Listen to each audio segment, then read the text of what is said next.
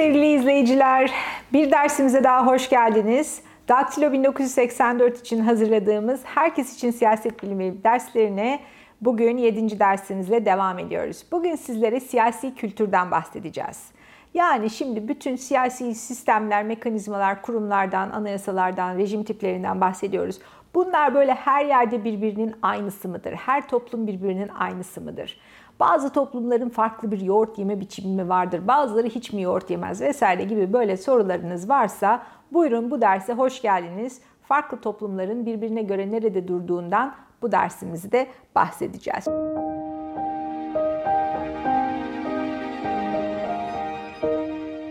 Şimdi şöyle bir genel çerçeveyle başlayalım. Yani düşünün yemek masasında işte bayramda gittiniz büyüklerinizi ziyarete. Sizin tavırlarınızla, sizin hayata bakış açınızla, anneannenizin, babaannenizin, dedelerinizin hayata bakış açısı aynı mı? Sanıyorum değildir. Aynıysa şanslısınız. Hemen öpün, sarılın o anneannelerinize, dedenize. Ama normalde şöyle bir şey bekliyoruz. Toplumlar statik değiller, dinamikler. Bir modernizasyon süreci var yani bizden önce yaşayan nesiller daha kısıtlı imkanlarda, daha farklı, daha kısıtlı olanaklarda yaşamışlar. Biz daha iyi şartlarda yaşıyoruz. Bu yüzden de genel olarak bakış açımız, topluma bakış açımız, hayata bakış açımız biraz daha farklı. Yani mesela siz çok büyük kıtlık, savaş vesaire sıkıntı gördüyseniz şöyle bir şey bekleniyor bu bireylerden daha tutumlu olmaları. Daha böyle efendime söyleyeyim. Mesela vardır böyle minik minik teyzeler, nineler. Cam şişeleri atamazlar, biriktirirler. Onu ona kullanırlar, bunu buna kullanırlar. Eski kıyafetlerden paspas yaparlar bilmem ne atamazlar. Plastik poşet atamazlar. Poşet poşeti vardır. Bazı evlerde poşet poşetlerini ne yapalım kınamayalım. Çünkü o da öyle bir sosyalleşmeden geçmiş. Onun kıtlığını, onun zorluğunu ne yapmış? Görmüş. Şimdi toplumlar da böyle. Toplumlar da zaman içinde evriliyor. Bazı toplumlarda bir zamanlar böyle bir ailenin çok özel, çok bilge, çok kıymetli olduğu fikri yerleşiktir. Ama geçelim 100-150 yıl sonra ne demek kardeşim hepimiz insanız, hepimiz eşitiz. Niye o aile bizden üstün olsun diye böyle değil mi saltanat ailelerinin artık saltanatı ne oluyor? Sarsılıyor. Yani her dönem kendi siyasi kültürünü de yavaş yavaş doğuruyor. İşte toplumda genel olarak yaygın e, siyasi değerler, toplumsal değerler buna bakacağız. Hatta çocuk yetiştirmek için sahip olduğumuz değerler bile siyasi kültürümüzün bir parçası. Baktığımız zaman siyaset bilimciler çok eski zamanlardan beri bu siyasi kültürü daha objektif bir şekilde araştırmaya çalışmışlar. Mesela efendim ne yapmaya çalışmışlar? Bu kapitalist sistem niçin böyle bazı toplumlarda hemen çok rahat filizlenmiş, almış, yürümüş işte efendim İngiltere sağa solu kolonize etmiş, bir sürü büyük şirketler kurmuş, Amerika vesaire. Ama bazı şirketler, bazı ülkelerde diyelim ki Nijerya niye böyle büyük bir kapitalist imparatorluk kurmamış? Şimdi erken dönem siyasi kültür çalışanlara baktığımız zaman bunlar mesela özellikle e, burada bir eser söyleyeceğim. Yani Max Weber ve Protestan Etik. Burada diyor ki Weber, protestanların böyle farklı dünya anlayışları. Yani kazandığımızı har vurup harman savurmayalım, günümüzü gün etmeyelim, biriktirelim. Çünkü ne kadar varlıklı olursak, ne kadar kanaatkar, ne kadar böyle kıt kanaat yaşarsak ama birikimimiz fazla olursa öbür dünyada o kadar biz Allah'ın sevdiği kullardan oluruz şeklindeki bir inanç bunları kapitalist sermaye birikimine daha meyyal, daha meyilli, daha bu işi iyi yapan topluluklar haline getirmiş diyor. Ve ne yapıyoruz? Bakıyoruz İngiltere, Hollanda, Kuzey Avrupa'daki özellikle protestan toplulukların kapitalizmde de son derece ileride olduğunu ne yapıyoruz? E, görüyoruz. Sonra İkinci Dünya Savaşı'ndan sonra bu siyasi kültürün böyle daha antropolojik, etnografik e, araştırmalar yaptığını görüyoruz ama bunlar hep böyle tek ülke bazında tek tek vaka incelemeleri. İşte efendim Polinezya şöyle bilmem neresi böyle Almanya böyle derken ilk sistematik çalışma Gabriel Almond ve Sidney Verban'ın Civic Culture dedikleri bir çalışma. Burada tek ülkeden ziyade 5 tane ülkedeki siyasi kültür birbiriyle kıyaslanıyor. İşte hangi 5 ülke bakıyoruz? Amerika, İngiltere, Almanya, İtalya ve Meksika. Şimdi bunlar bakıyorlar efendim bu halk nelere inanıyor? Siyasi katılımı nasıl? Ondan sonra ve genel olarak toplumsal dinamiklere, toplumsal yapıyı, halkın siyasete katılım e, mekanizmalarına vesaire sistematik bir şekilde bakıyor bu eser. Şimdi böyle 5 ülkeye baktığımız zaman biz daha bilimsel bir katkıda bulunmuş oluyoruz tartışmaya. Değil mi? Şöyle bir şey var. Ben sadece kendime baksam diyelim ki bakıyorum kendime aman diyorum ne kadar güzel selvi boyluyum, al yazmalıyım. Ondan sonra bir tek kendime bakıyorum ama aynada. Ama yanıma bir tane öğrencimi çağırdığımız zaman biz yan yana duruyoruz. Şöyle bir olasılık var. Bütün öğrencilerim arkadaşlar benden daha uzun. Benden daha uzun. Şimdi ben en ufak bir öğrencimle yan yana durduğumda bakıyoruz. Birimiz daha kısa, birimiz daha uzun. O zaman ben ne yapıyorum? Boy olarak aslında daha kısa olduğumu fark ediyorum. Yani ortalamanın daha altında olduğunu fark ediyorum. O yüzden şuraya getireceğim. Karşılaştırmalı çalışmalar siyaset bilimi için son derece önemlidir. Bu 5 ülkeye biz baktığımız zaman aynı parametreler üzerinden 5 ülkeye baktığımız zaman daha sağlıklı bilimsel bilgi üretmiş oluyoruz. Burada 3 tip siyasi kültür bulmuşlar yazarlar. Her 5 ülkede de bunlar var. Bir tanesi parokiyal, bir tanesi böyle bir adeta bir kul. Sadece hani görevleri boyun eğip e, görevini yapan, çok fazla kafasını kaldırmayan, siyasete katılmayan bireyler. Ondan sonra üçüncü olarak da katılımcı bireyler. Şimdi her toplumda bunların oranları daha fazla. Katılımcı bireyler daha aktif olarak siyasi sisteme katılırken daha parokyal sistem bireyler siyasi e, mekanizmalardan, toplumun o siyasi büyük organizasyondan adeta kenara çekilmiş, çok daha fazla siyasi sisteme çok daha angaja olmayan bireyler bunlar. Daha sonra baktığımız zaman e, yine siyasi kültür konusunda daha kapsamlı, ülke sayısını daha fazla arttıran çalışmalar yapıldığını görüyoruz. Burada isterseniz kısaca size böyle minik bir, bir şey sunmak istiyorum. Hani kendi kendimizi test edelim gibisinden bir şey. Size ben dört tane seçenek vereceğim. Bunlardan bir millet için, bir ulus için sadece bir tanesini elde etmek mümkün. Bunlardan hangisini seçersiniz? Birinci seçeneğiniz şu. Milletin bir düzen içinde olması. Yani İngilizce okuyan arkadaşlarımız için söyleyeyim. Maintaining order in the nation. Yani bir düzen, efendime söyleyeyim, e, nizam teşkil edilmesi. Yani sizin birinci tercihiniz bir millet için, bir ulus için düzen ve nizam mı? Bu birinci seçeneğiniz. İkinci seçeneğiniz efendim söyleyeyim insanlara daha fazla söz hakkı verilmesi mi? Yine İngilizce okuyan arkadaşlarımız için söyleyeyim. Giving people more say in important political decisions. Yani insanların siyasi kararlara daha fazla katılma hakkını mı teşkil etmek istersiniz? Üçüncü olarak acaba sizin için iktisadi kaygılar mı çok önemli? Yani fiyatlar artmasın, enflasyon olmasın, ekonomi düzgün işlesin mi sizin kaygınız? Yani üçüncü seçeneğinizde iktisadi seçenek, dördüncü seçenekte ifade özgürlüğü. Siz bu millette, bu ulusta efendim söyleyeyim ifade özgürlüğünün maksimum korunmasını, kullanmasını mı arzu edersiniz? Başta söylediğim gibi bu dört seçenekten nizam, düzen, efendime söyleyeyim siyasete daha çok katılım, iktisadi konuların enflasyonun artmaması, fiyatların daha düşük olması, dördüncü olarak da ifade özgürlüğünün garanti olması. Hangisi sizin için daha önemli? Buradaki seçeneğinizi aklınızda tutun arkadaşlar. İlerleyen dakikalarda yine geri döneceğiz ona. Şimdi burada size bir grafik sizinle paylaşmak istiyorum. Bu böyle dünya değerler haritası dediğimiz bir grafik. Ronald Inglehart bunun kurucularından bir tanesi, baş kurucusu diyebiliriz. Şimdi bu siyasi kültür konusunu ne dedik? Pek çok ülkeyi birden sistematik olarak ölçtüğümüz zaman daha bilimsel bir bilgi üretmiş oluyoruz. Şimdi bu uzun bir anket silsilesini 60'a yakın ülkede hepsinde ortaklaşa yapıyor. Bu anketler Türkiye'de de yapıldı ve insanlara uzun uzun sorular soruluyor. Efendime söyleyeyim çocuk yetiştirmede nelere inanırsınız? Allah'a inanır mısınız? Sizin için iyi siyasi sistem aşağıdakilerden hangisidir? Hangi sıklıkta dilekçe yazdınız? Hangi sıklıkta oy verdiniz? vesaire vesaire pek çok siyasi konuda vatandaştan tercihleri alınıyor. Ondan sonra bunlar bir araya getiriyor. Şimdi şuradaki haritaya baktığınızda ülkeler böyle rastlantısal boncuk tanelerinin saçıldığı gibi saçılmamış. İki tane temel düzlem var. Yatay düzlemde bakıyorsunuz. Burada iktisadi değerler ve kendini ifade etme değerleri var. Yani karnınız tok mu, sırtınız pek mi, kafanızın üzerinde bir çatınız var mı? Bunlar hayatta kalmaya dair temel bazı kaygılar.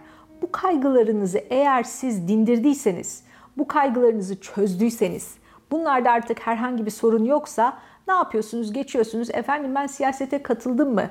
Oy verdim mi? Hayır bu yol buradan geçsin. Veyahut da işte bu ağaçlar kesilmesin veya buraya maden gelmesin gibi daha yaşam kalitesine yönelik tercihler yapıyorsunuz.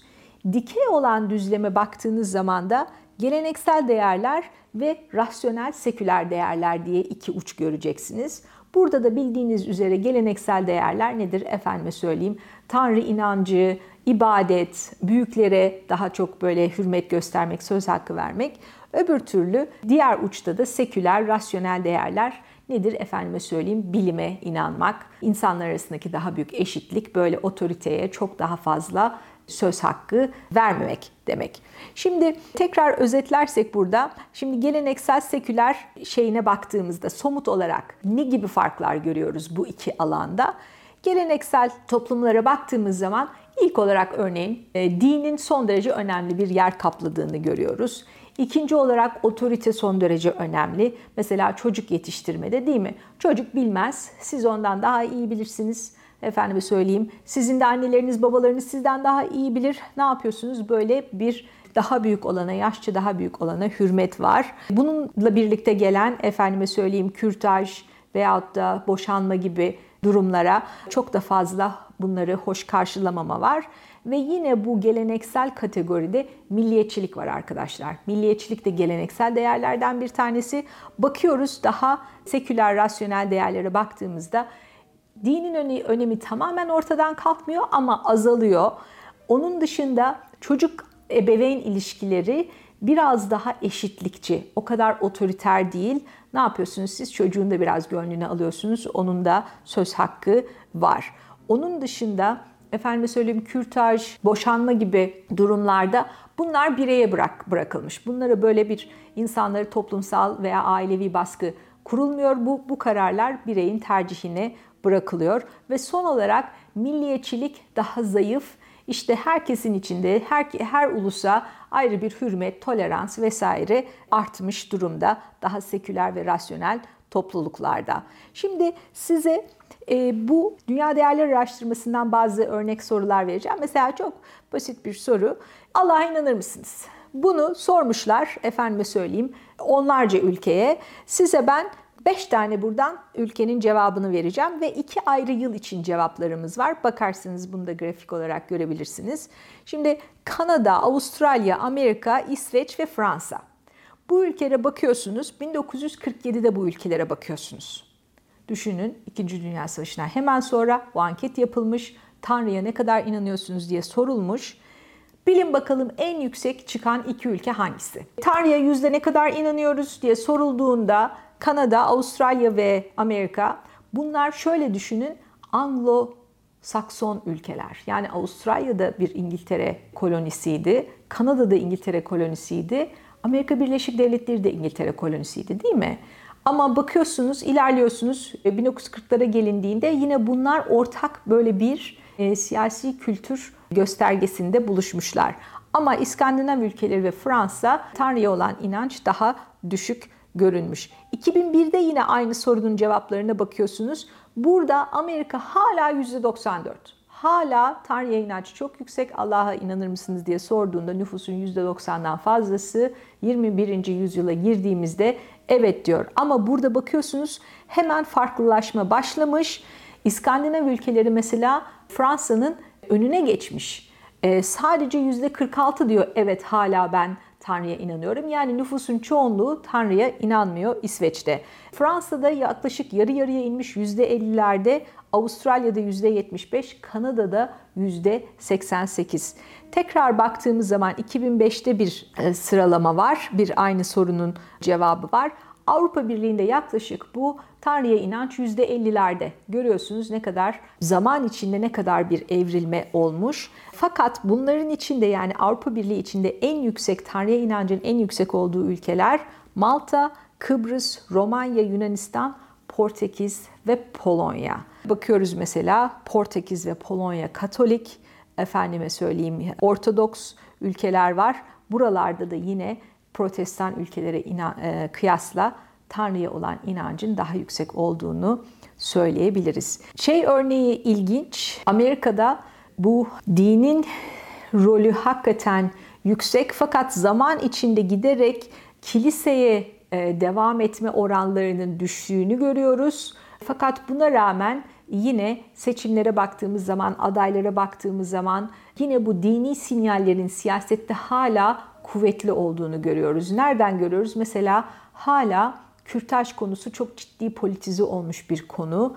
Ee, bir kesim için asla yapılmaması, hiçbir şart altında uygun görülmemesi gereken e, bir prosedür. Başka bir kesim içinse kadınların kendi hayatları hakkında verebilecekleri en önemli kararlardan bir tanesi o yüzden siyasetin şuyun buyun burnunu sokup müdahale olmaması gereken alanlardan bir tanesi olarak görülüyor.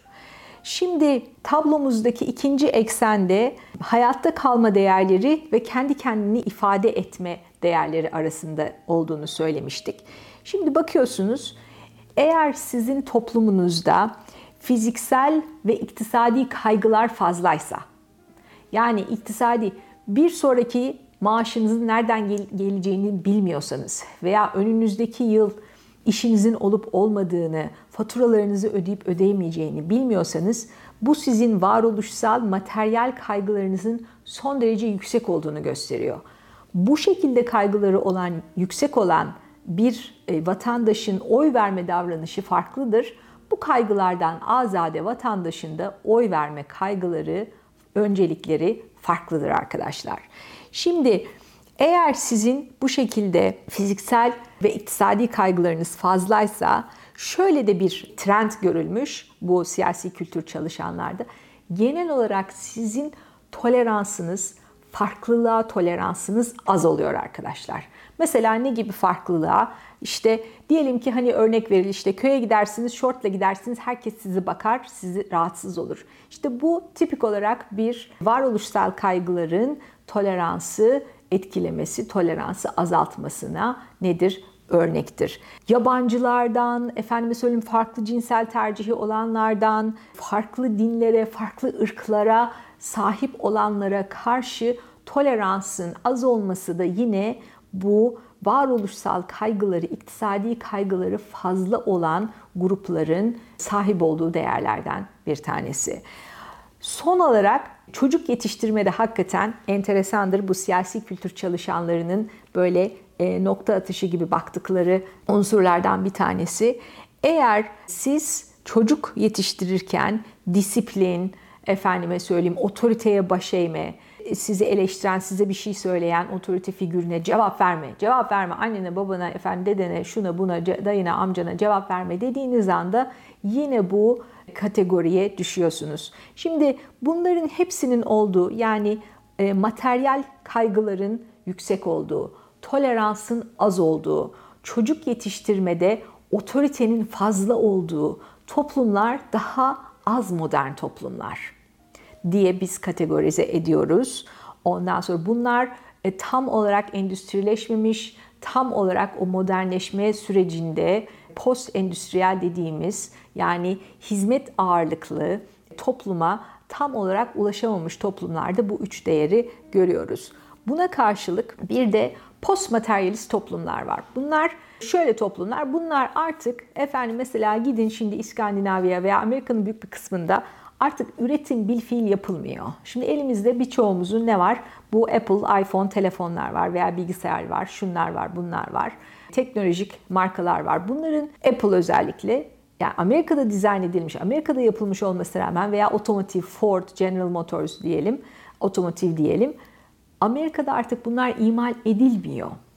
Çünkü Amerika artık post endüstriyel, endüstri sonrası topluma geçiş yapmış. Ne oluyor? Başka yerlerde üretim oluyor. Meksika'da oluyor, efendim Çin'de oluyor, Bangladeş'te oluyor, orada oluyor, burada oluyor, Güney Kore'de oluyor ama artık Amerika'da çok fazla üretim yapılmıyor. Şimdi bu ne gibi sonuçlar doğurmuş? Bir, nüfus bu maddi problemleri büyük oranda çözmüş.